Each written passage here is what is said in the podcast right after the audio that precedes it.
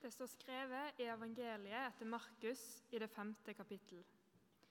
Mens han ennå talte, kom det folk fra synagogeforstanderens hus og sa:" Din datter er død.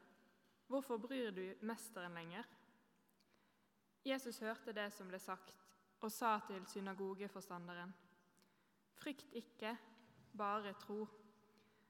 Nå lot han ingen andre følge, følge med enn Peter, Jakob, Johannes, Jakobs bror.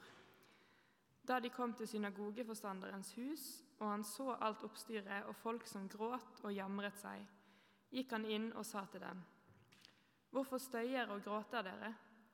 Barnet er ikke dødt, hun sover. De bare lo av ham. Men han drev alle ut og tok med seg barnets far og mor og dem som var med ham, og gikk inn der barnet lå. Så tok han barnet i hånden og sa, Talita kumi, det betyr, lille jente, jeg sier deg, stå opp. Straks reiste jenta seg og gikk omkring, hun var tolv år gammel. Og de ble helt ute av seg av undring. Men han påla dem strengt at ingen måtte få vite dette, og han sa at de skulle gi henne noe å spise. Slik lyder det hellige evangelium.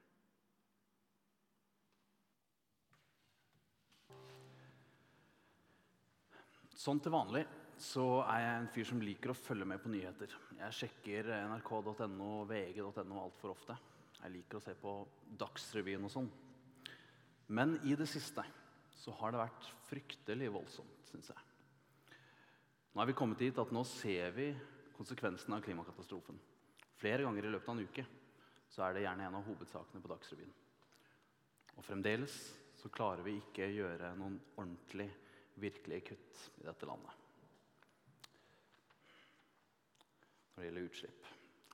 Vi ser på nyhetene at landene rundt oss sliter med matmangel og mangel på energi. Altså de som er helt tett på. Hvordan svarer Norge? Jo, vi leverer ikke på det som er bistandsmålet vårt, 1% av BNP.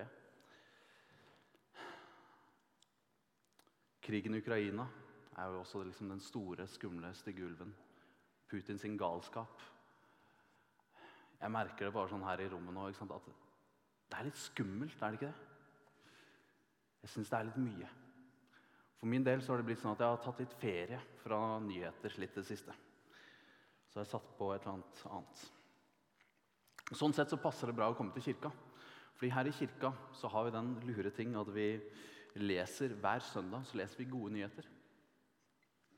Evangelion, det greske ordet som betyr gode nyheter.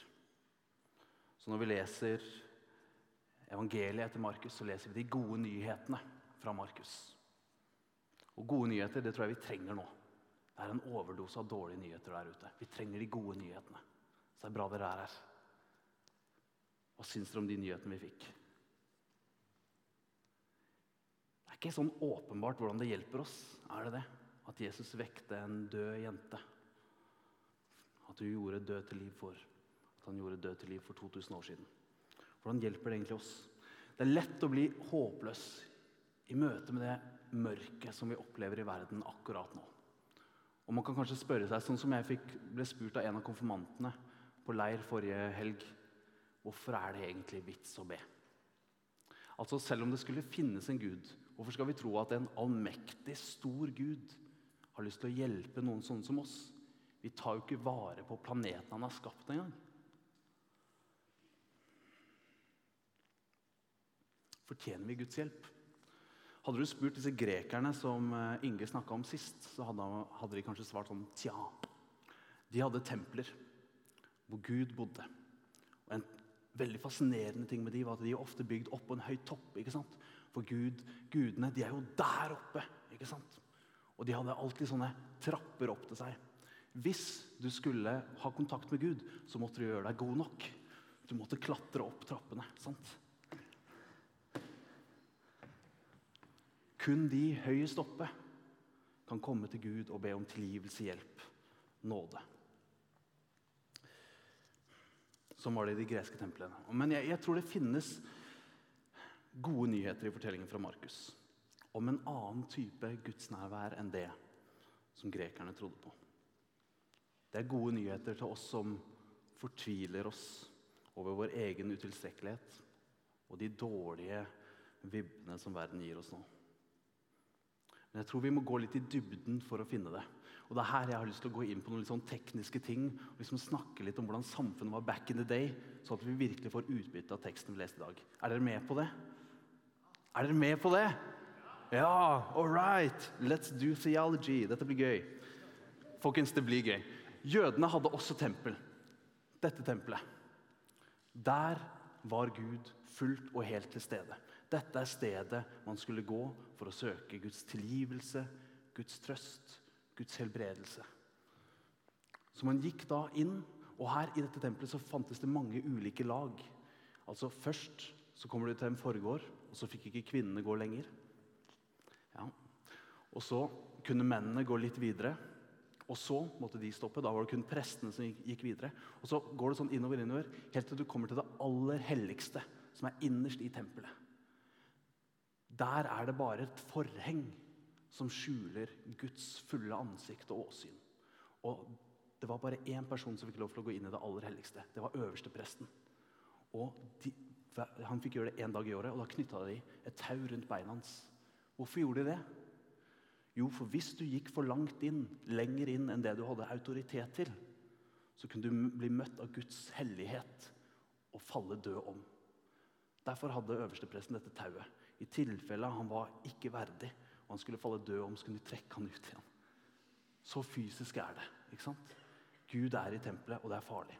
Og Da fins det én ting til som er dette med tempelet. At du må være ren før du går inn der. ok, Heng med meg, folkens. Dette er spennende. Rituelt ren. Du måtte være rituelt ren. Og generelt urenhet ble du smitta av hvis du var i kontakt med en annen som var uren. Men urenhet oppsto også av noen ting. Tre hovedting, og dette må dere huske, for dette er viktig. Dyrekadaver. Det skapte urenhet hvis du var i kontakt med dyrekadaver. Hvis du var i kontakt med et menneske som hadde utflod fra kjønnsorganer, ikke sant? sæd, mensen eh, Et eller annet som var liksom knytta liksom seksuelt De ikke uh, uh, går på do og de tinga der av en eller annen grunn. Altså, De hadde sine grunner. Men det er to av grunnene. Og så har du tredje, tredje ting som skapte urenhet spedalskhet. Okay, så du har de tre. Og De ble kalt 'fathers of impurity'. Og så hadde du da én ting som var liksom hakket over det. Og det var et menneskelig lik. 'Father of fathers of impurity'. Hvis du kom inn i samme rom hvor det lå et menneskelig lik, så ble du smitta av urenhet. Og dette er, Når du spesielt har med dette fra utflod fra kjønnsorganer, så skjønner du det at dette var noe som Og du ble smitta bare ved kontakt med noen andre som var urene.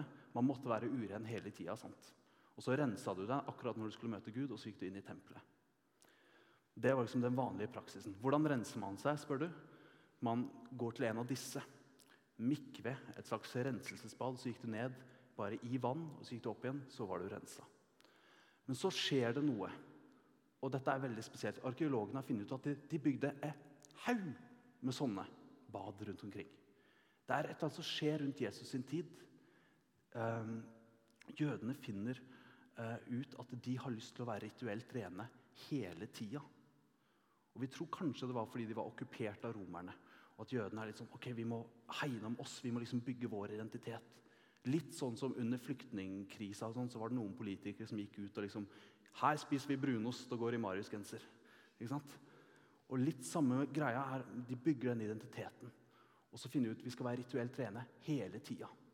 Og Det betyr at hvis en kvinne har mensen, du må bare holde deg inne. De spedalske allerede utstøtt, men nå er de bare fullstendig ute av samfunnet. Og hedninger de er jo urene. Altså mennesker som ikke er jøder. Hold de vekke. Oss, oss, oss.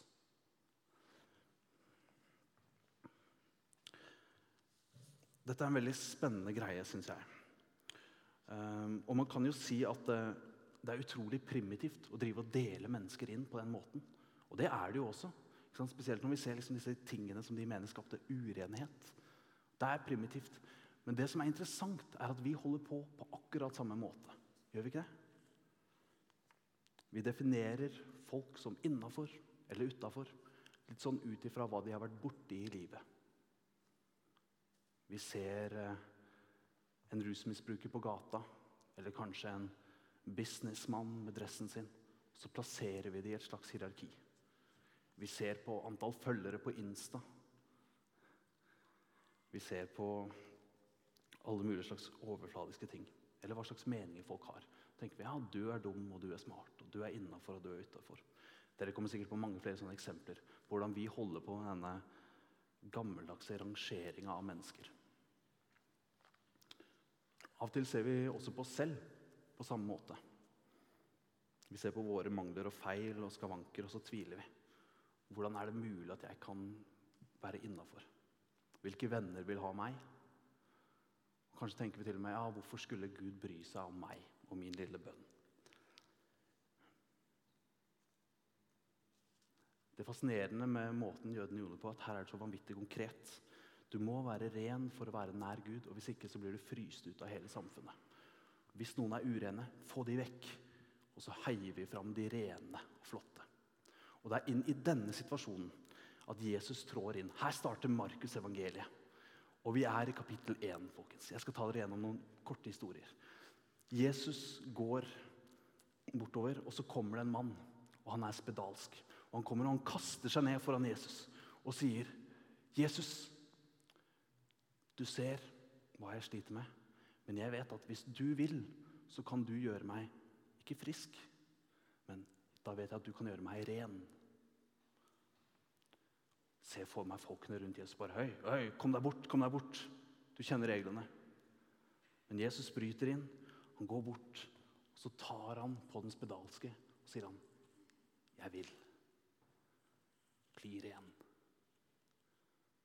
Og Da skjer det fantastiske at Jesus blir ikke smitta av urenhet, sånn som alle forventer.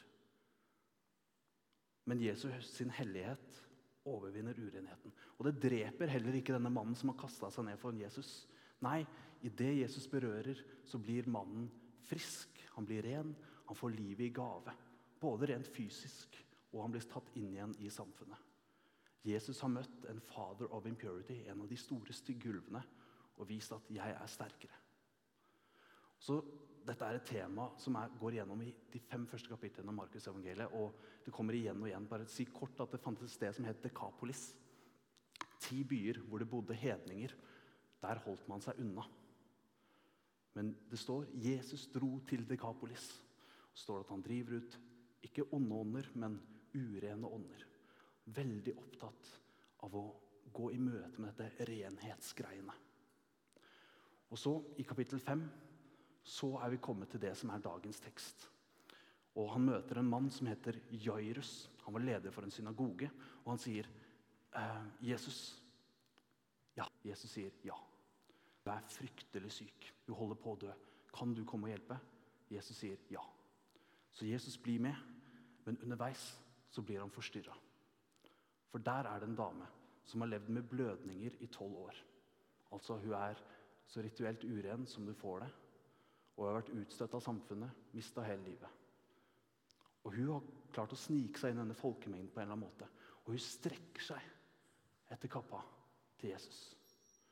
Og idet hun tar tak, så kjenner Jesus at det går en kraft ut. Ble Jesus smitta av urenhet? Nei. Men ved berøringa så blir kvinnen frisk og får livet i gave.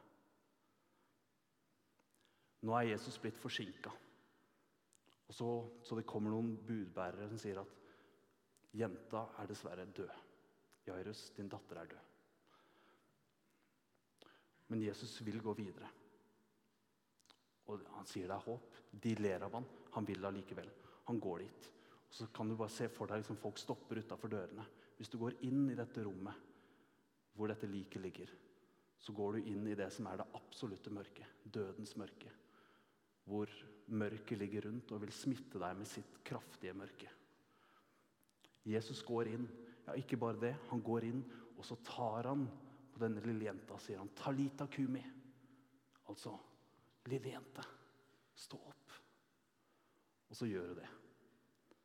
Jesus ble ikke overvunnet av denne urenheten heller. Nei, han smitta det med sin guddommelige, hellige renhet. Så kommer Jesus med en sånn casual kommentar som er bare sånn Gi henne litt mat. Hun ser sulten ut, liksom. Hæ? Jesus er en legende altså, i starten av Markusevangeliet. Og dette er, dette er det han gjør gang på gang på gang.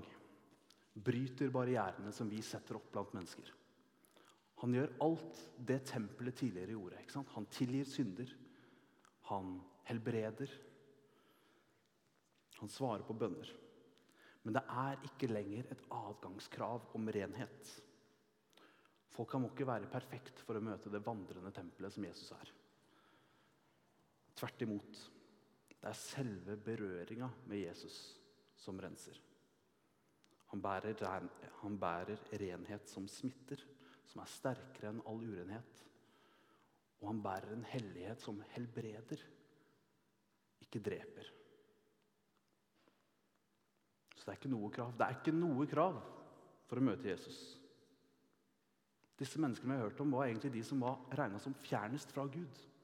Men de har én ting felles. De oppsøker Jesus, og så sier de, 'Se meg, hjelp meg. Jeg trenger deg. Gjør meg ren.' Og Jeg tror det er derfor de, de, siste blir de første, og de første de siste. For den spedalske kvinnen med blødninger og denne døde jenta, de som var regna som utafor Guds blikk, nettopp de var det Jesus løfta opp. Fordi de ba om det. Mens fariseerne, som mente at de hadde alt på stell, at de garantert var innafor, nettopp de var så blinda av sin egen selvgodhet at de så ikke den Gud som kom dem i møte.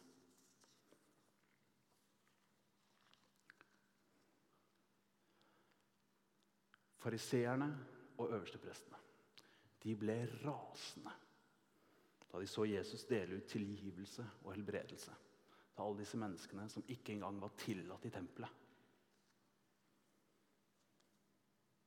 For denne grenseløse kjærligheten, for denne blasfemien, så henger de an på et kors.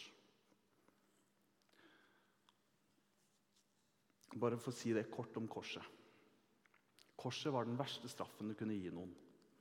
Det er den mest langvarige metoden, mest smertefulle metoden for å drepe noen som vi tror mennesker har funnet på. Den stripper deg av verdighet, og den drar deg ned i søla. Og på, I Romerrikets tid så ble den kalt slavedøden.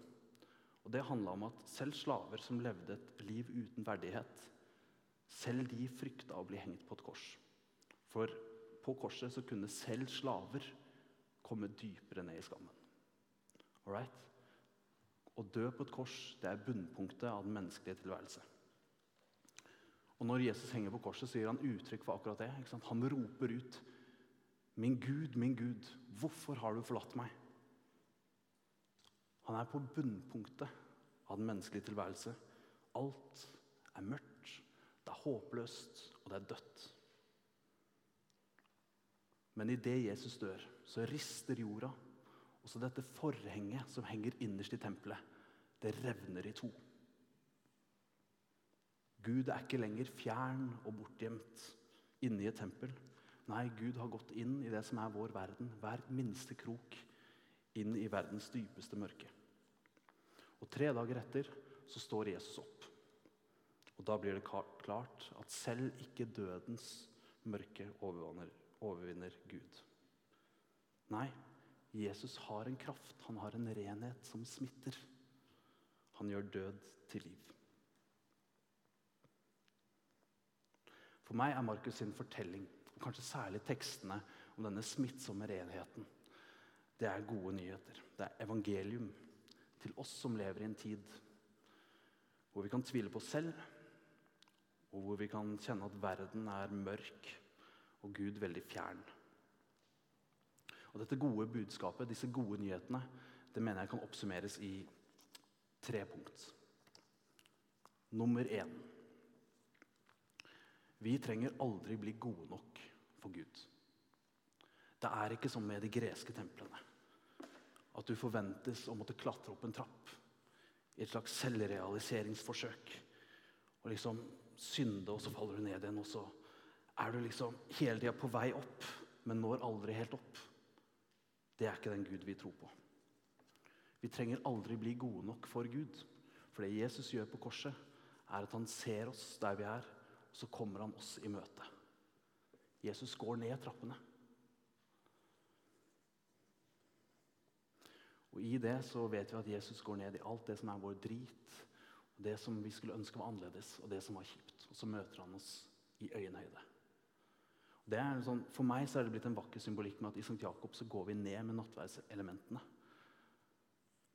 Det er Jesus som kommer i brød og vinen, og så kommer bare helt ned på vårt plan. Og Vi trenger ikke klatre opp et steg, for han er nede hos oss. I nattverden så blir også punkt nummer to klart. Nemlig at for Gud så er vi alle like verdifulle. Folkens, Gud driter i måten vi driver og rangerer hverandre på. Han ønsker å ødelegge det. Jesus brøt ned systemene, inkluderte de utstøtte, sa at 'hos meg hører alle til'. I nattverden blir det tydelig fordi alle kommer, og så får vi det samme. Jesus brøyt ned våre systemer, og så ga han oss oppdraget om å gjøre det samme. Alle mennesker fortjener Guds nåde. Nummer tre, og aller viktigst Guds kraft, kjærligheten, den er alltid sterkere. Gang på gang gikk Jesus inn i det skadede og urene.